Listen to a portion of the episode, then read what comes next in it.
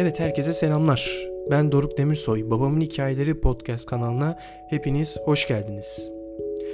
Evet eğer geçenki bölümümüzü dinlemediyseniz dinlemenizi tavsiye ederim. Çünkü geçenki bölümümüzde Hikmet Demirsoy biraz kendinden bahsetti. Ve artık bana dedi ki Doruk dedi oğlum olarak senin sesin daha iyi sen bu podcast kanalını devam ettir. Ben güncel öykü ve yazı paylaştıkça sen bunları podcast kanalında oku dedi.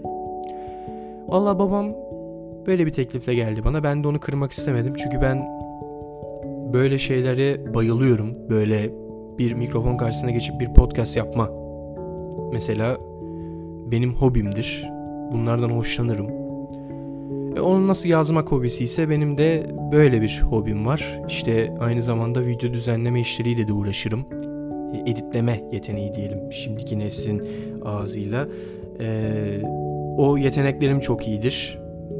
Ve kendimi bu konuda usta, usta gördüğüm için inşallah bu sene gireceğim üniversite sınavında güzel bir puan yaparak radyo, televizyon ve sinema bölümüne girmek istiyorum.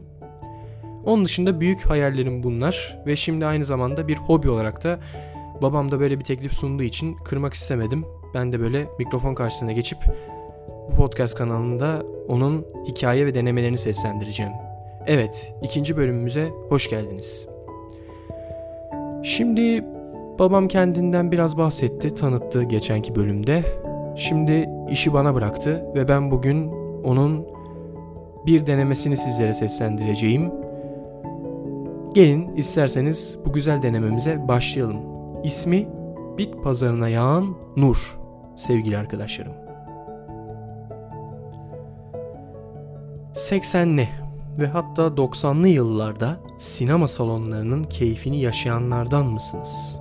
Eğer yaşınız 45'in üzerindeyse Aksaray Bulvar Sineması, Beyoğlu Emek Sineması, Şişli Site Sineması, Kadıköy Süreyya Sineması'na mutlaka gidip film seyretmişsinizdir. İsmini verdiğim sinemalar ilk akla gelenler.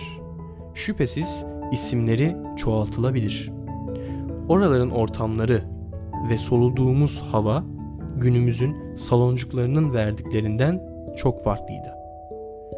Şimdi ise sinema diye genellikle AVM'lerin en üst katında koca bir alanı bölmelere ayırmışlar. Salon 1, Salon 2, Salon 3 demişler isimlerine. Ama bakmayın siz isimlerini böyle salon koyduklarına. İzleyicilere adlarına salon dedikleri bu saloncuklarda film seyrettiriyorlar.'' Sadece AVM'lerde değil, özellikle Beyoğlu'nda Fitaş gibi, Elhamra gibi bilinen eski büyük ve tek salonları da böyle böyle bitirememişler. Aynı sinemada 5 ayrı film oynar hale getirmişler. Bu yazıda seyredilen filmlerden daha fazla haz almamızı sağlayan o eski salonların havasından esintiler hissetmeye ne dersiniz?'' Bir zamanlar filme gitmek için günlük gazetelerin sinema programlarını takip eder, haftalık olarak değişen filmlerden zevkinize uygun olanını bulurdunuz. Gideceğiniz matineye de karar verdikten sonra heyecanlı bekleyiş başlardı. O zamanlar şimdiki gibi film eleştirileri pek yapılmadığından, yapılsa bile bunlara erişim kolay olmadığından genellikle sevdiğiniz aktör ve aktrislere göre film seçerdiniz.'' Tanımadığımız ya da o zamana denk ismi pek duyulmamış başrol oyuncularının filmine gitmeye ise o filmin Zafer Haftası sayısına bakarak karar verebilirdiniz. Zafer, Zafer Haftası'nın anlamı neydi? Eğer bir film çok beğenildiyse sinemalarda haftalarca oynatılırdı.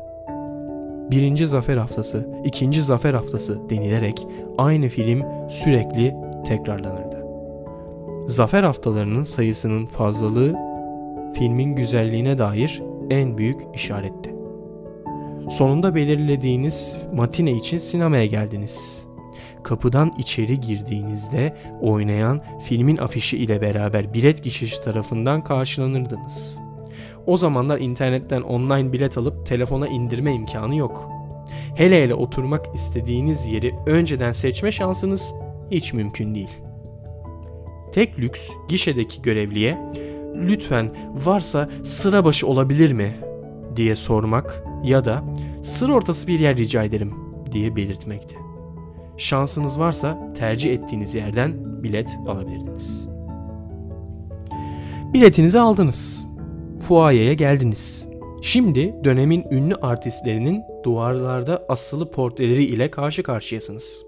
Bir tarafta o güzel bakışlarıyla sizi baştan çıkaran Grace Kelly. Onun hemen yanında şüpheli nazarlarla bakan ve her an altı patlarına asılacakmış havası veren John Wayne ve daha birçokları.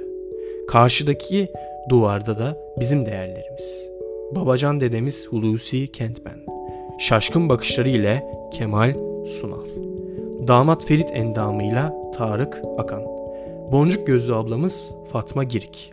Türkan Sultanımız ve diğer Yeşilçam'ın kilometre taşları. Artık duvarda ne kadar yer varsa hepsini dolduran güzelim portreler. İzleyicileri salona çağıran gongu duydunuz. Kendinizi sinema salonundan içeri attınız. Önce beyaz perdenin şimdilik kapalı olan zarif kumaş perdesini görür ve koltuk döşemelerinin kendinizi evinizde hissettiren kokusunu alırdınız. O zamanların sinema salonlarının kendisine has havasıydı bu. Siz bu havayı alırken karşınızda aniden birileri belirirdi. Yer göstericiler. Genellikle takım elbiseli, ellerinde el fenerleri olan emekçiler. Kibar olmasına kibardılar ancak yerinizi gösterdikten sonra mutlaka bahşiş beklerlerdi. Ve vermeyenlere de cebinizde akrep mi var yahu diye takıldıklarına şahit olmuşluğum da vardı hani.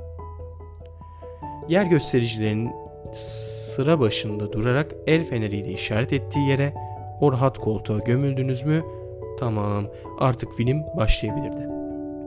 Işıklar söner ve herkes oturduktan sonra yer göstericiler de giriş kapısının perdesini çekerek salondan çıkarlardı.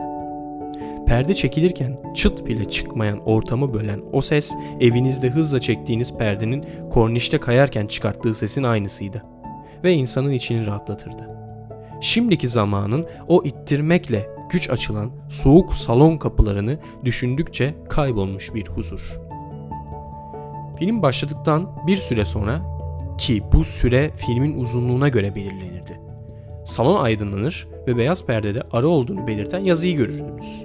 Hemen akabinde gösterişli kumaş perdede de aheste şekilde kapanırdı. Ve o an salonların keyifli anlarından biri daha. En başta gördüğünüz yer göstericiler kucaklarında tahtadan tezgahlarla içeriye girerlerdi.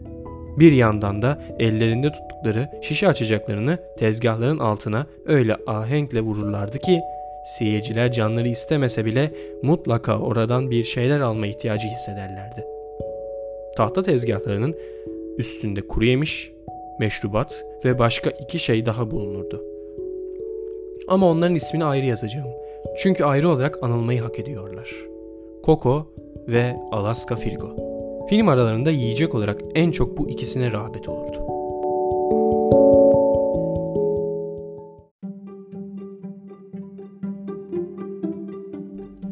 Ara bitince filmin ikinci yarısına dönüş, yavaş yavaş açılan perde ve tekrar sönen ışıklar. Ortamın en çok hoşuma giden anı hangisiydi? Merak eder misiniz?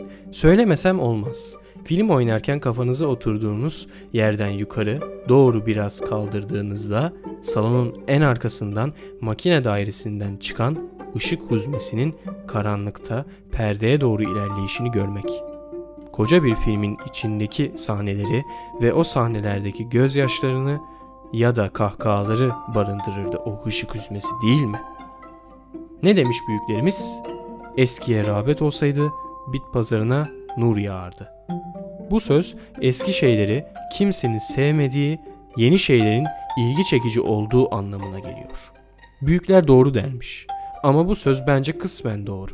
Çünkü insan eskidikçe eski adetler ve yaşantı ile yenilerini daha çok karşılaştırmaya başlıyor. Sonuçta belki de yaratılış gereği tekrar hayatının baharını yaşamayı istediğinden tercihini genç olduğu zamanlardan yana kullanıyor. Ayrıca eski olanın çoğu zaman gizemli olduğu gerçeğini de unutmamak gerekmiyor mu?